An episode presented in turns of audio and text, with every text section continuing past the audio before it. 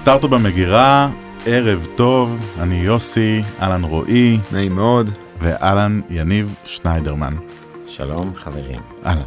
קודם כל, סופר מרגש, אני יודע שאותכם זה לא, אבל אה, יניב ואני מכירים מכיתה ט', אה, בית ספר חשמונאים בת ים, וואו, כבוד, וואו, וואו, המון וואו. המון שנים אחורה, המון. כבוד אה, זה השלב שאני מרגיש אאוטסיידר. אבל, אבל זהו, פה זה נגמר. uh, לא סובל אותו, אבל אני מעדיף לא לדבר איתו, אבל uh, דווקא uh, נראה לי שיזמות זורמת לך בעורקים uh, מהתיכון. ונראה לי שזה עכשיו uh, הכי מתפרץ ש, שאפשר. אז uh, ניתן לך ככה את הבמה, בוא תציג את עצמך, מי אתה ומה אתה עושה. קודם כל תודה על ההזדמנות להיות פה ולדבר. אה, אני בן 42 מתל אביב, מהנדס אלקטרוניקה במקצועי. אה, זה מצחיק שאתה אומר שיזמות זורמת בעורקי, אני הרגשתי ככה הרבה מאוד זמן, בפועל זה לא בא לידי ביטוי, עד לפני כחמש שנים. עבדתי כשכיר בחברת סטארט-אפ, אה, ניהלתי פיתוח, אה, הרבה מאוד אלקטרוניקה, פירמוור, תוכנה בתוך האלקטרוניקה למי שלא מכיר. ו... ולאט לאט התחלתי לפתח לאנשים קצת uh, מוצרים, פרוטוטייפים לסטארט-אפים, כל מיני POCs כאלה, ונורא נורא אהבתי לפתח מוצרים, כל הצד ההנדסי שלהם והכל, וזה גלגל אותי לאיזשהו uh, אבולוציה של מוצר שפיתחתי ללקוח, מוצר ל... לילדים, פארק אינטראקטיבי לילדים, שעד היום מותקן בראשון ובאשדוד. מין פארק כזה שמשלב אורות ו... ותנועה במרחב. Um, החלטתי שאני הולך על וריאציה של זה לקונסיומר ופה התחיל הסיפור היזמי האמיתי שלי. Um, עזבתי את אה, מקום העבודה פתחתי הקמתי חברה ופיתחתי מוצר שמשלב פעילות פיזית וקוגניטיבית במרחב מוצר נייד שיועד במקור לילדים. ועבר הרבה גלגולים מאז אבל uh, ככה זה התחיל. Um, לפני חמש וחצי שנים. עזבתי את מקום העבודה ובמשך שלוש שנים חייתי ללא משכורת וללא ודאות זה היה נורא. אמ, אבל דברים קרו כמו שאמרתי לאורך הדרך לאשתי קורים דברים קורים דברים את לא רואה. ו... ופיתחתי בעצם אני אספר קצת על המוצר שנתת קונטקסט. שם החברה, איפה קונים, סתם, בלי איפה קונים. אמ, קראתי לחברה Play Coyotta והמוצר עצמו נקרא BlazePod בעצם אנחנו יודעים בשם BlazePod. המוצר אה, במקור היה מין סט של קונוסים חכמים נשלטים על ידי אפליקציה. הקונוסים האלה יודעים אה, לדלוק בכל מיני צבעים ויודעים להרגיש כשנוגעים בהם. אה, אתה בוחר משחק במקור כמו Simon רק תוך כדי תנועה בוחר משחק באפליקציה היא מראה לך איך לסדר את הפודים במרחב. וזה יכול להיות בשורה מטר אחד מהשני וזה יכול להיות גם 40 מטר אחד מהשני. יכול לעבוד רק עם ארבעה פודים או עם 16 פודים. הווריאציות הן אינסופיות literally. ואתה לוחץ start באפליקציה ומאותו רגע אתה נע במרחב ב- ב- בהתאם לאלמנטים הוויזואליים שאתה רואה ומבצע פעולות הולך נוגע והפעולה הזאת נמדדת באפליקציה. לימים הבנתי שיהיה נורא קשה ומורכב בתור סטארט-אפ ישראלי גם לגייס כסף לשוק שהוא consumer electronics וגם לחדור לשוק אה, לעולם הילדים ממוצר לעולם הילדים. ש...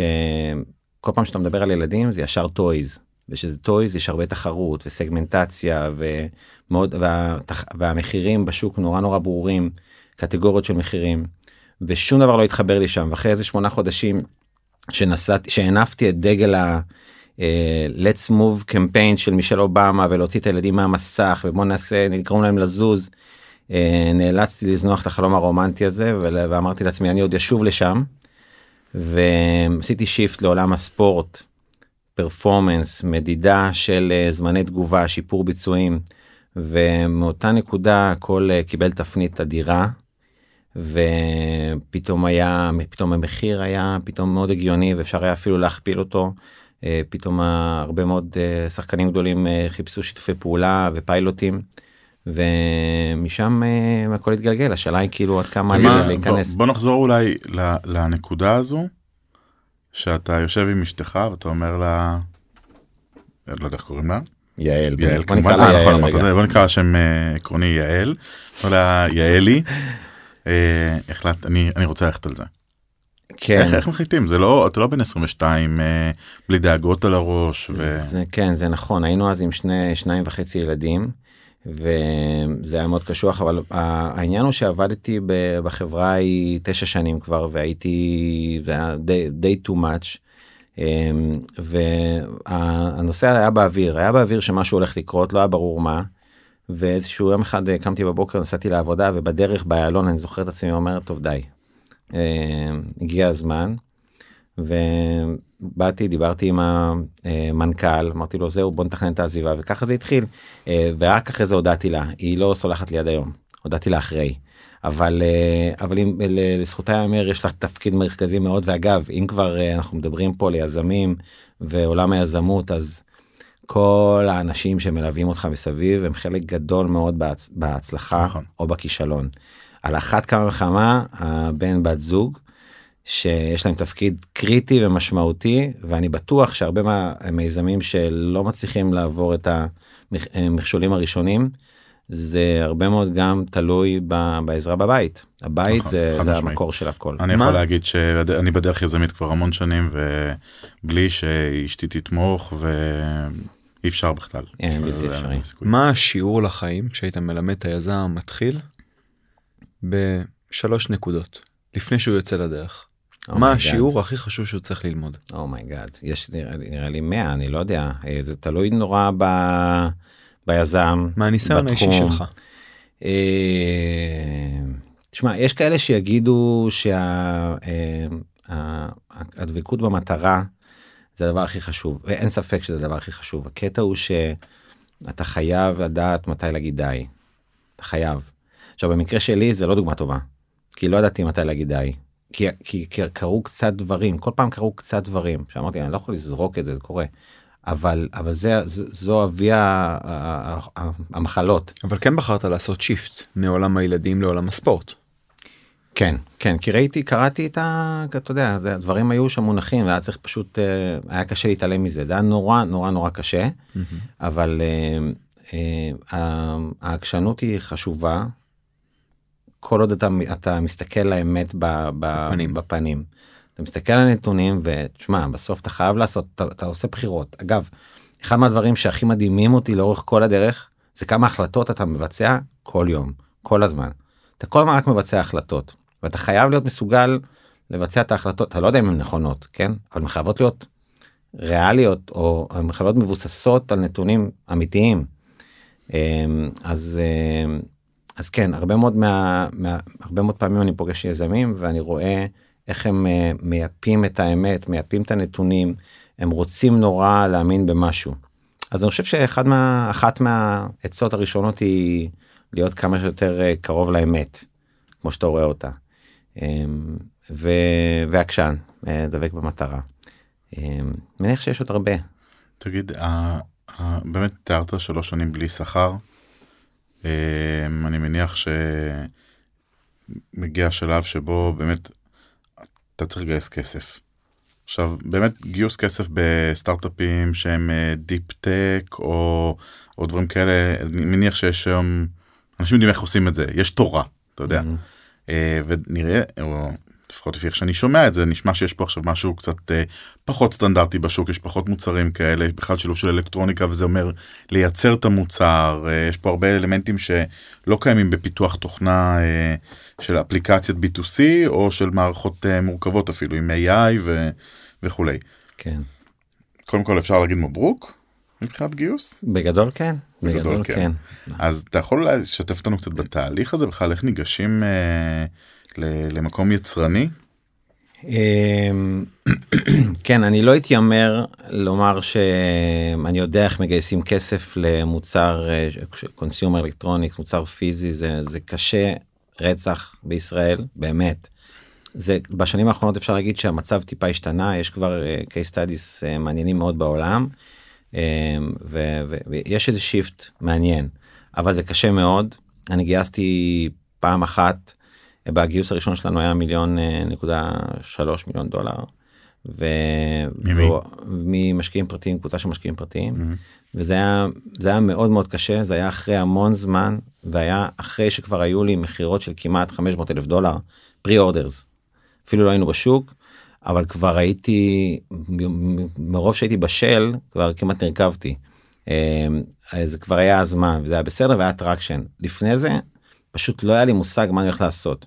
ניגשתי לכל הדברים היחידים שעומדים ברשותנו שזה תוכנית תנופה שזה 200 אלף שקלים יכול להגיע נחמד קיקסטארטר אינדיגוגו לייצר פרי אורדרס קצת להכיר את השוק אבל עדיין מאוד מאוד מאוד קשה. חובה כשאתה מתעסק במוצר פיזי שהיזמים יהיה להם איזושהי נגיעה לעולם הזה.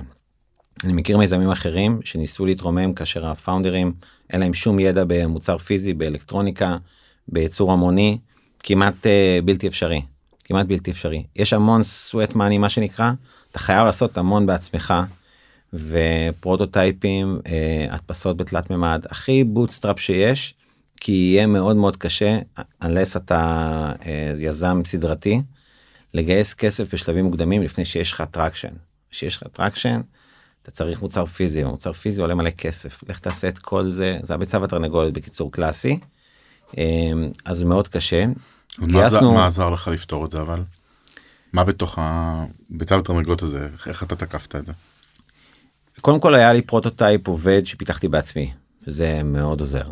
אה, זה prototype וזה וישבתי בלילות אה, ללמוד Objective אה, C ופיתחתי את האפליקציית iOS הראשונה ובעצם היה לי משהו עובד end to end בלי אף אחד אחר כולל עריכת מעגל והדפסה בתלת מימד ועיצוב ב-3D אז זה מצד אחד זה מגניב מצד שני כאילו אין פה אין פה טיפ זה זה קשה אתה צריך שאנשים יעשו את זה בעצמם. אבל אחר כך התמזל מזלי ופגשתי חברה מדהימה בשם טרוס.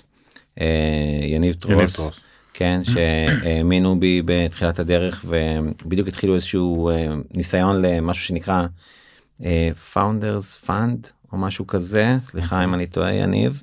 אה, והם באו לקחו מיזמים שהם מאמינים בהם ואמרו להם בואו אנחנו נבנה לכם את הכל קמפיין end to end נריץ לכם נקנה מדיה נביא אתכם עד לקו הסיום כן. בקמפיין. ואין איזשהו מודל. אני יכול גם להגיד שמהיכרות אישית יניב טרוס הוא אחד האנשים המדהימים בשוק מבחינת קריאייטיב והיכולת להפיק דברים כאלה לגמרי מכיר אותו המון שנים. וזה ה game changer אה, ראשון בעצם אה, קודם כל פעם זה סוג של השקעה אפשר לומר לא לא סטנדרטית אבל סוג של השקעה מישהו בא מאמין בך אומר לך בוא קח את הכלים האלה והאלה בשביל בוא נעשה market validation כאילו ובוא בוא נראה מה, מה קורה. ו... והיה שם איזשהו אה, אה ניסיון טוב אנשים אה, מאוד התלהבו. הם רכשו הקמפיין נסגר ב-160 אלף דולר לדעתי. אגב אנשים נוטים לחשוב שקמפיינים בקיקסטארטר זה קל מאוד ומיליוני דולרים ושומעים את הסיפורים זה קשה על גבול הבלתי אפשרי. כמי שעבר קמפיין כזה זה דם יזע ודמעות ממש ממש ממש 160 אלף דולר מבחינתי הייתה הצלחה מטורפת אבל מה שבאמת קרה שם זה שקיבלנו אלפי פניות מרחבי העולם החל משחקני כדורגל עד uh, שחקני קריקט איגוד הקריקט ב, ב, ב, בסקוטלנד וסייף ואנשים מכל מיני תחומי ספורט שמאוד אהבו את המוצר והבינו את הערך המוסף שלו ואיך הוא יכול לעזור להם לשפר את ביצועים הביצועים שלהם בספורט. וזה נתן לי רוח גבית כי אחרי שלוש שנים והרבה מאוד טירוף אתה פתאום אומר אוקיי אנשים שמים על זה כסף הם אומרים לי אני אוהב את המוצר אני רוצה אותו אז אתה אומר אוקיי. חזרתי ליל הביתה אמרתי לה דברים קורים. האם ניגשת? ביקשת אישור לחזור לישון בחדר שנה בדיוק. אני חייב לשאול שאלה שהיא מאוד מעניינת אותי בפן היזמי. Mm. האם ניגשת למוצר הזה מתוך הפן הטכנולוגי והספורטיביות שבו והראייה מה שנקרא החזונית איפה אני יכול להשתפר בעולם הפיזי? או שלקחת את זה יותר מהפן השיקומי ויש לך איזשהו אה, vision על שיקום של מישהו שאתה מכיר או שראית ודווקא לקחת את זה מהעולמות האלה מה היה מה שנקרא הפריצת דרך היזמית שהביאה אותך לדבר הזה. אני חושב שהיו פה זה היה בשני אה, שני שלבים השלב הראשון זה שראיתי את המוצר הראשון שבניתי לידי מוצר סטטי וראיתי שהחוויה הזאת של ילד רואה משהו וצריך להגיב מין שוב סיימון בתנועה פתאום קלטתי כמה זה מגניב. ובשלב הראשון זה מה שהניע אותי לפעולה הראשונה ולהגיד אוקיי בוא נביא את זה לקונסיומר בוא נביא מוצר כזה נייד לילדים. הדבר השני שקרה שהביא אותי לעולם הספורט ושבעצם הביא את הפריצה הוא ההבנה שמה שעניין את הילדים במוצר הראשוני שחשבתי עליו זה כמה פעמים אתה נוגע באורות או מי ניצח. התחרותיות. התחרותיות. יש על זה ערך מוסף שלא חשבתי עליו לפני זה שמדהים לספורטאים וזה כמה זמן לקח לי להגיע לכל אור כזה, לכל visual cue. איפה השתפרתי? איפה השתפרתי, כמה זמן זה לקח, וה reaction time הזה הוא מטורף, זה, זה ה game changer במוצר הזה, כי קיימים מוצרים, לא המצאנו שום דבר. הבאנו משהו קיים, קונספט קיים, זה נקרא exergaming, קיים משנות ה-80. ספורטאים מקצוענים מתאמנים עם מערכות דומות שהן סטטיות ונורא נורא יקרות, אלפי ועשרות אלפי דולרים של מערכות, וזה קיים. פשוט עשינו את זה אה, נגיש מבחינת מחיר, מבחינת user experience, מבחינת תפעול, נייד ונגיש לכולם, ופתאום משהו שעד עכשיו עלה עשרות אלפי דולרים או אלפי דולרים, עולה 400 דולר ונגיש לכל מאמן כושר, לכל שחקן, לכל אתלט באשר הוא. אה, ההבנה הזאת שהריאקשן טיים אני יכול להנגיש את זה לקהל הרחב זה היה זה היה הדבר שהניע אותי לפעולה. ואגב שאלת על שיקום שוב אני חוזר ליעלי אשתי הנשמה אה, היא פיזיותרפיסטית ולאורך כל הדרך תמיד ניסינו לראות איפה הדבר הזה אה, משיק לשיקום ולכל הנושא השיקום ספורטאים ובכלל שיקום נוירולוגי. והיה נורא קשה בהתחלה למצוא את המאץ'. מה שקרה מאוד מעניין אחרי הקיקסטארטר זה שהמון מהלקוחות שלנו בלי שהתכוונו בלי שתרגטנו אותם היו פיזיותרפיסטים אני פתאום קולט שמלא פיזיותרפיסטים קונים את המוצר כי הם חכמים כי הם עובדים הרבה עם קוגניציה והם הבינו ישר מה איפה הערך המוסף בשבילם והם פתחו בעצמם את הסיגמנט הזה בשבילנו זאת אומרת אנחנו לא תכננו והיום יש לנו סיגמנט שלם סביב rehabilitation ועבודה עם אה, אלמנטים קוגניטיביים אה, בעיקר מול פיזיותרפיסטים אבל לא רק. זה די מטורף אגב זה אני חושב שכשמדברים על אה, על על market fit שעושים תהליכי כן. בדיקות וכו' אתה יכול לחשוב על vertical מסוים אבל אז אתה מגלה שהאנושות שעוטפת אותך פתאום אה, אומרת אני רוצה את זה אבל בכלל לא לזה למשהו אחר. ופותח לך אם לא אגב לא כולם רואים את זה אבל אם אתה באמת מצליח להבין שאתה יכול לתת value גם לקבוצה אחת שלא חשבת עליה ולנתח את זה אז אתה באמת יכול לעשות עם זה פלאים ולא בהכרח בתוספת של כסף או שינוי פוקוס. אה, לגמרי וזה עוד נקודה שאפשר מאוד להרחיב עליה זה זה בא זה, זה נכון לשני הכיוונים זאת אומרת מצד אחד בוא תהיה ערני לסיגמנטים מאוד מעניינים שרלוונטיים כמו פיזיותרפיה והנה זה קרה. מצד שני המוצר שלנו הוא מתאים לכל כך הרבה ורטיקלים. רק אם אני לוקח את עולם הספורט המקצועני אז אם אתם תחשבו על הדברים הרגילים כדורגל כדורסל אה, פוטבול, בייסבול, כדורעף, אה, כדור יד, אה, סייף, אוקיי? אנשים כאילו עושים כל מיני דברים מטורפים, אתה אומר וואו זה מתאים לכל כך הרבה ענפים, אבל לא, אתה לא יכול, אתה לא יכול, אתה חייב להגיד לא כל היום.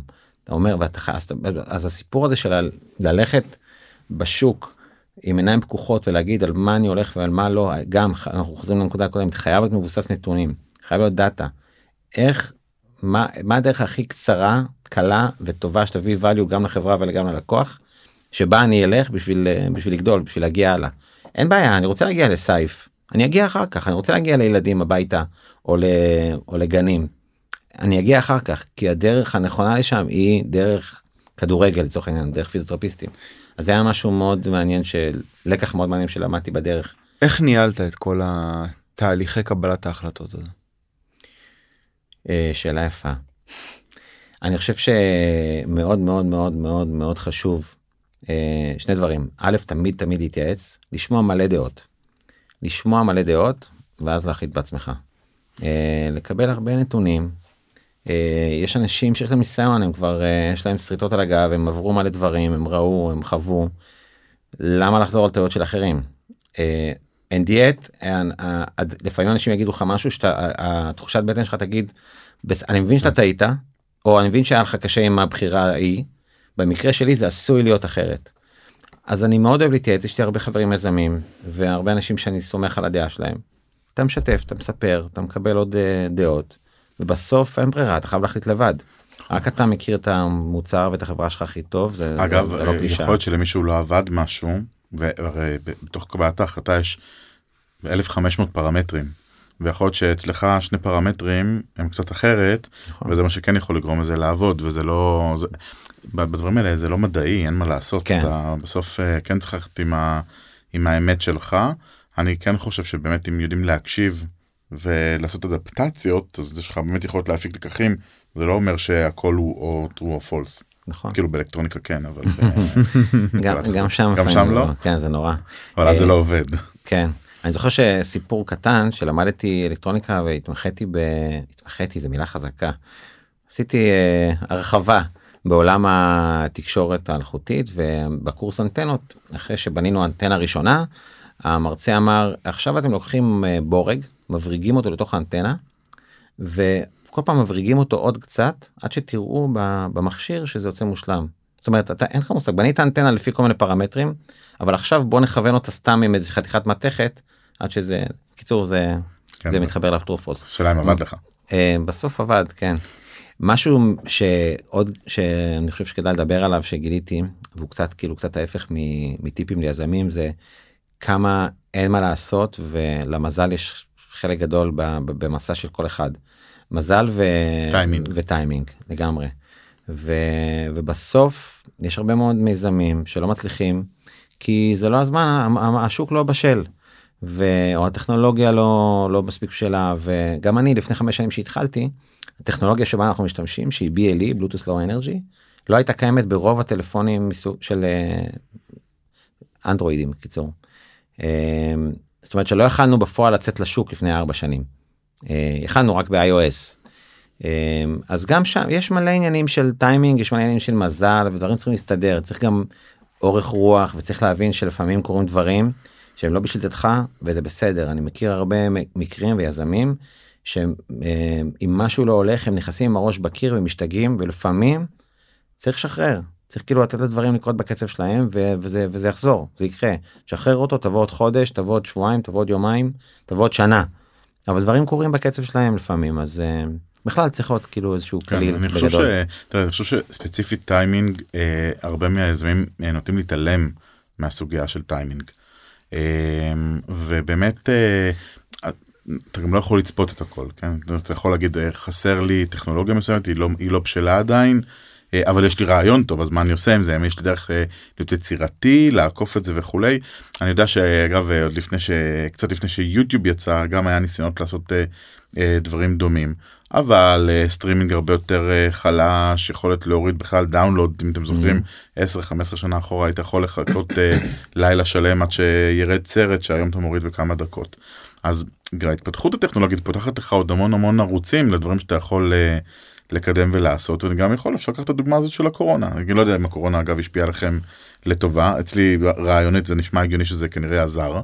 אה, וכך אה, סטארט-אפים שלמים וחברות לא קטנות גם שנמחקו בין אם זה חברות תעופה גדולות שמושבתות אה, המון חודשים או כמעט לא מתפקדות קחו את אלעל לא תפקדה עד לפני כמה כן. שבועות טוב שעשו הסכם עם דובאי שהיא יכולה יש לה לאן לטוס ו... וחברות שהתעסקו ב- בתיירות שפשוט אין להם אין להם עבודה מה הם יכולים לעשות עכשיו נגד כן. הקורונה חוץ מלחפש אה, חיסון. אז איך תפסה אתכם אה, הקורונה כי אם הצלחת לגייס עכשיו בעצם ב... אה, בשיא הגל השני או אחרי כן. הגל השני זה אומר שכנראה היה טוב. אנחנו כן לא דיברנו על זה אז אחרי גייסנו לפני שנתיים אה, 1.3 מיליון דולר וסגרנו עכשיו אה, גיוס אה, נוסף של שישה וחצי מיליון דולר. אז איפה השמפניה? אה, כן לא יודע לא אני ציפיתי לא הבאנו, לא הבאנו. היה פה כוס בירה הייתה אנחנו בירה. נשלח לך הביתה נכון הייתה בירה. בירה הייתה בסדר. אה, אנחנו אה, גייסנו עכשיו כי החברה מאוד מאוד בריאה ורווחית וגדלה ו... ואנחנו גרייטפול על זה. אז בהיבט הזה היה יחסית לה... לה... להיסטוריה שלי היה יחסית קל אה, כי בסוף החברה היא בצמיחה והיא רווחית. אה, הקורונה אה, הייתה נוראית כי א' יצרה לנו את הגדילה. בעצם הרבה מאוד מהלקוחות שלנו היום הם ה... הם ה professionals הם המאמנים מאמני קבוצות מאמני כושר. ה-B2C, אה, ה-B2B B2B. B2B ה- בעצם ה-small businesses החבר'ה שהם יחזיקו את הטלפון ולא ישתמשו בפודים הם ישתמשו בפודים עם הלקוחות שלהם עם כן. הקליינטים השחקנים ו... והם לא עבדו. נסגרו הקבוצות נכון. ספורט הפסיקו לעבוד נסגרו חדרי כושר נסגרו קליניקות אף אחד לא אז דווקא הם הפסיקו לקנות. אה, וכולם אמרו לי וואו זה הזמן הכי טוב בשבילכם אתם כאילו אתם מוצר ספורט כולם מחפשים מה לעשות בבית אתם הולכים לעוף. אז אנשים לא קנו בהמוניהם אנשים לא קנו כי אנחנו אני סירבתי לה, לה, להכיר ב, באמירה הזאת המוצר לא, לא, לא התאים לא מבחינת מחיר ולא מבחינת product offering ל consumer ל home fitness מה שנקרא. ויכלנו להתרוצץ במעגלים ולעשות חודשיים כאילו שינויים ב- בענייני R&D ולה- ולהוריד מחירים והכל. זה היה נראה לי קצת אה, פזיז. אה, חשבתי שהדברים יחזרו לעצמם יותר מהר. והעדפתי לחכות בכלל consumer ו mass market זה, זה נורא נכון, זה גן זה טירוף. חיות. אה, לא הרגשתי שאנחנו מוכנים גם מבחינת עומק בכיסים וגם אה, מבחינת המוצר לעשות את זה נראה לי טעות ואני אני שמח על ההחלטה הזאת היום. כי המשכנו לגדול אמנם לא בקצב שרצינו אבל המשכנו ושינינו טיפה את, ה, את המסרים ופתאום אה, דיברנו על אתלטים הביתה.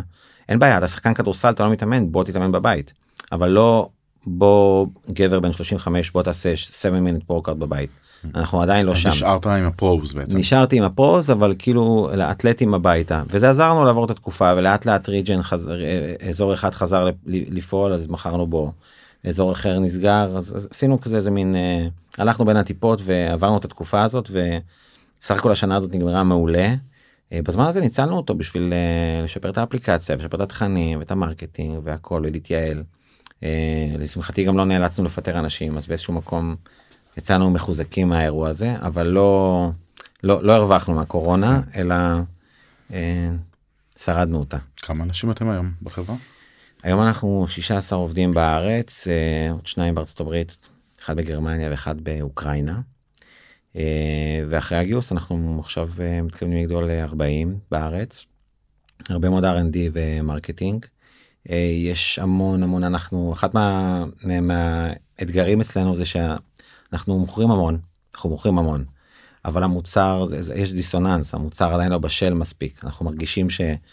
אה, לשמר את המקום שלנו בעולם ולעשות באמת שינוי ולהיות פה עוד שנתיים שלוש אה, בתור brand שיש לו מקום בעולם חייבים לחזק את המוצר ונורא קל להתבלבל לחשוב שאם אתה מוכר כי מכירות אונליין היום יש הרבה פלטפורמות אנשים קונים אגב מה שקורה בקורונה זה שאנשים נוטים יותר להוציא כסף ב e-commerce. אה, אז זה עשוי לבלבל אבל אנחנו רוצים להשקיע הרבה מאוד ב product אה, ב offering ובאמת לתת לאתלטים כלים אמיתיים.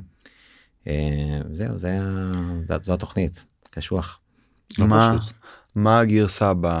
מה הדבר הבא שאתה מתכוון להוציא? מה 2.0? אה, זו שאלה שאנחנו מתחבטים בה המון. כולם אומרים אה, אז מה אז הפודים האלה זה בסך הכל אה, כאלה מין כל נושאים שדולקים אין בהם כלום וזה מה one trick pony ונורא קל לחכות את זה עשינו יעשו את זה בשנייה. האמת היא שאנחנו אני מסתכל על זה טיפה אחרת אה, מאוד אחרת האמת. יש פה הפודים הם סוג של enabler והעולם הזה של התכנים והדרך האפליקציה והיכולות האינסופיות דרך האפליקציה מאפשר לנו להמשיך ולגדול. על בסיס אותם פודים זה, אני מסתכל על זה כאילו זה כדור.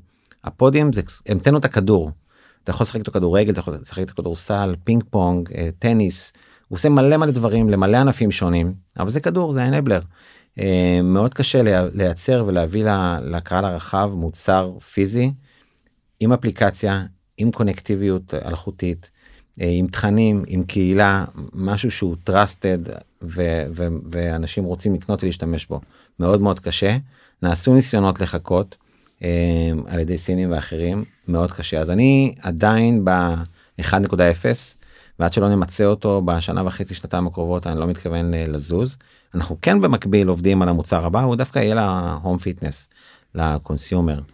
אמ, וכשנגיע לשם זה אנחנו צריכים להיות מוכנים גם עם, ה, אה, עם עלות יותר נמוכה ונוחה וגם עם אה, מוצר שהוא הרבה יותר מונגש לאנשים שהם לא ספורטאים בדם שלהם.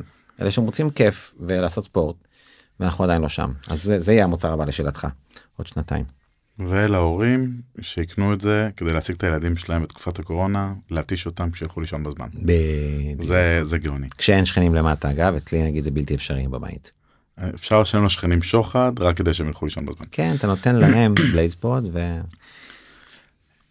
נראה לי שאנחנו הגענו ככה אה, לסיום אה, היית רוצה אולי להודות למורה שלך למחשבים מכיתה ט' רוני נניח זה הזמן.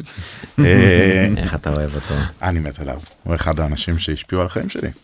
אני רוצה אגב. להוסיף עוד משהו יאללה. סליחה מעבר לרוני. אה, אם שומעים אותנו יזמים שמתעסקים בעולם ה- הייצור הפיזי בעולם המוצרים הפיזיים.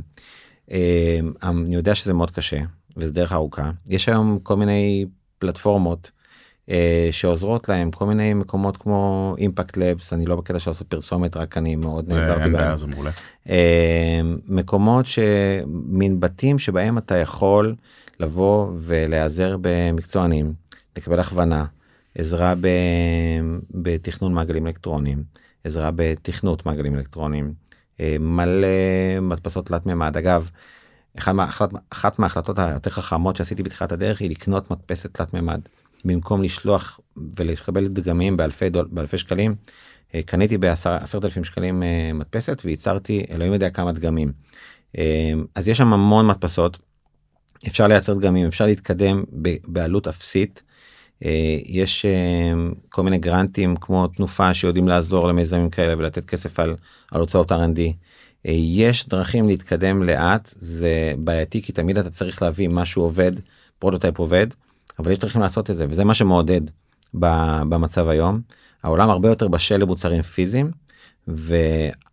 ועם כל התחרות סביב אפליקציות ותוכנה, אה, ענייני web, אה, סייבר, כשאתה יוצא עם מוצר פיזי, יש לך פה differentiation מטורף ו barrier מטורף לאחרים. ובכלל זה משהו כיף, אתה מחזיק אותו ביד, נכון. זה הוא מעוצב, הוא פיזי, הוא, הוא אה, ניתן לגעת בו, אז הוא אמיתי. והחוויה הזאת לבנות משהו שמישהו נוגע, מסתכל, משתמש פיזית, היא priceless לדעתי. אז אני חושב שאני בעד, וגם אשמח לעזור אגב. אה, מעודד מאוד מוצרים פיזיים וסטארט-אפים בתחום הזה בעולם. אז אה, דברו עם יניב. דברו עם אני יניב. חושב שהערך המוסף של הפודקאסטים האלה לקהילת היזמים רק עולה ועולה מפודקאסט לפודקאסט. הרים לך יניב. יאללה נו. תודה. חברים, ערב טוב לכולם, שיהיה לכם אחלה יום, תיזמו ותעשו מוצרים פיזיים. תודה רבה חברים. תודה לכולם. טוב.